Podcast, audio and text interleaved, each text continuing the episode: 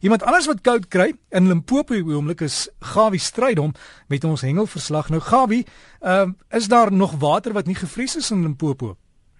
Is eintlik baie droog in die omgewing en die veld is hier en daar maar baie kaal en die blare het al reeds baie geval.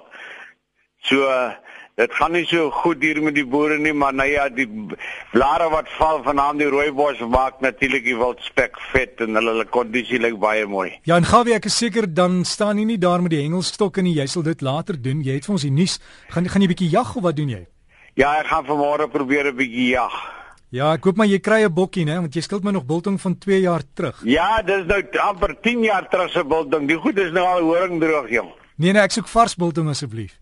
Ek weet nie of jy dit. As ons nou op die lig, Derek. Ons is klaar op die lig, dankie Gawie. Daar sê goeiemôre luisteraars en almal van julle hier het 'n lekker bibberende bosveld.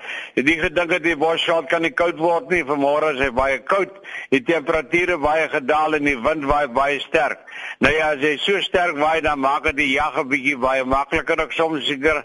Dan kan die wildjie nie so maklik hoor nie, maar ek gaan nou nie voor die tyd nou windmakerig wees om daaroor te rapporteer nie.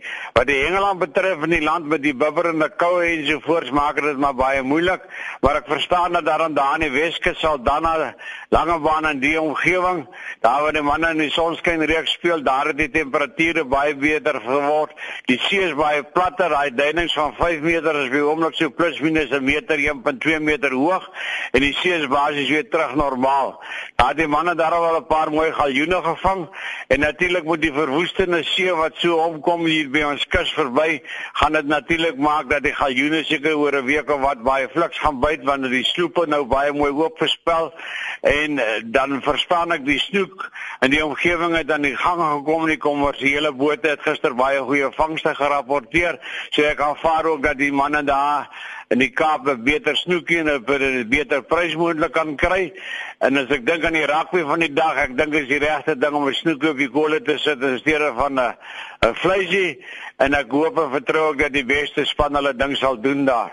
Nou terug so om daar na die na na na George se omgewing sê en die klein vir my die see was by hulle maar nog baie groot gewees. So ek het hierdie Mel sê vir my daar van Port Elizabeth se kant af daar in die omgewing Jeffreys Bay hy sê daar is die see nog baie wild.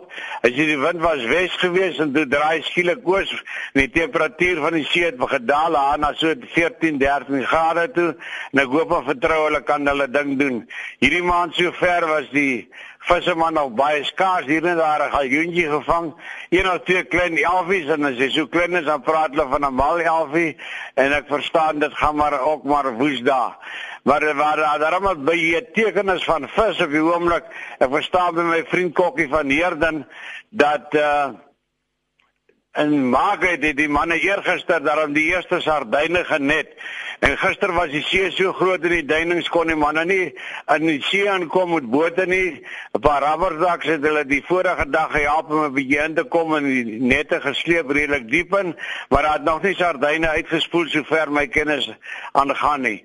En dit maak natuurlik die seeengel op die stadium die enigste wat ek kan hoor rapporteer.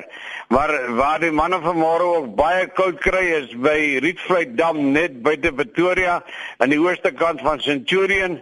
Nou daar het die manne die eh, spesie kar wengel die tweede been van dit en dit word aangebied deur Wild Africa Fishing and Hunting. Nou verskoon Nee, ek verstaan gisteraand 10uur was die temperatuur al reeds minus 2 in daai omgewing. Beskoon tog. En iemand hier is 'n para hier vanmôre wat op 'n verkeerde plek sit. Nou die grootste karp tot op stadium het uitgekom met sy 11,33 kilogram. En ek hoop en vertrou Eddie het met die inligting deurgegee. Dat gaan vandag baie beter.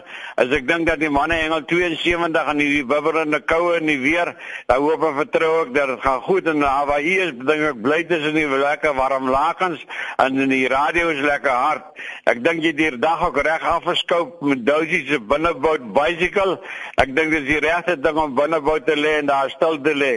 Nou hier waar ek is natuurlik hier by my ou vriend Dennis Fitzpatrick, dit is 'n beplaas die naam van Hard Times en ek hoop en vertrou dit gaan nie vanmôre so hard wees nie, maar skeuier baie lekker in die bos en ek vertrou dat jy hulle waar jy gaan hengel, dat jy natuurlik jou ding kan doen.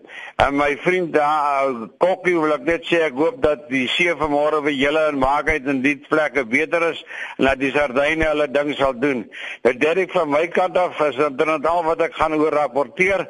Ek het nie so baie lekker syne in die omgewing nie en ek het nie baie lekker baie kontak nie, maar nie teenstaan alles 'n lekker program en 'n lekker ontbyt vir julle verder en liefde groete en ek rapporteer volgende Saterdag weer verder aan u. En mag die beste span hulle ding doen. Liefde groete gawe hierdie kant van die bult. Dankie Gawie, sterkte vir jou ook dan. Ek hoop nie daai is die, die begin van 'n verkoue of iets wat jy daar so in die keel gekry het nie. Maar sterkte en as jy vir Gawie inligting het oor hengelsake by jou, is Gawie vis sy e-posadres gawievis@gmail.com.